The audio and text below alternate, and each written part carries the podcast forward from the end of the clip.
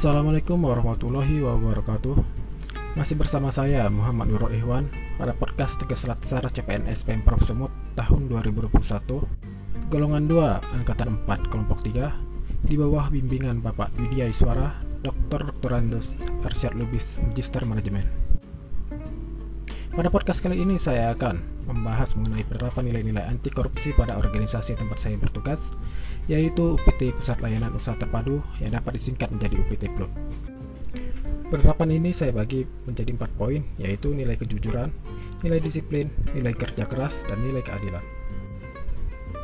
Pada nilai kejujuran, penerapannya yaitu menggunakan waktu untuk bekerja dan tidak membuang waktu untuk hal-hal yang tidak berguna seperti browsing, nonton, dan lain sebagainya.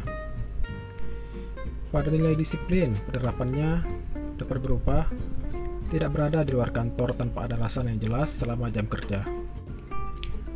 Pada nilai kerja keras yaitu mengerjakan semua tugas tepat pada waktunya, baik itu tugas sesuai tupoksi maupun tugas dari atasan langsung.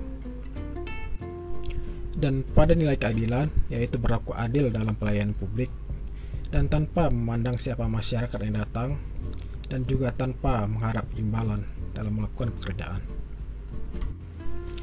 Demikian podcast kali ini saya perbuat.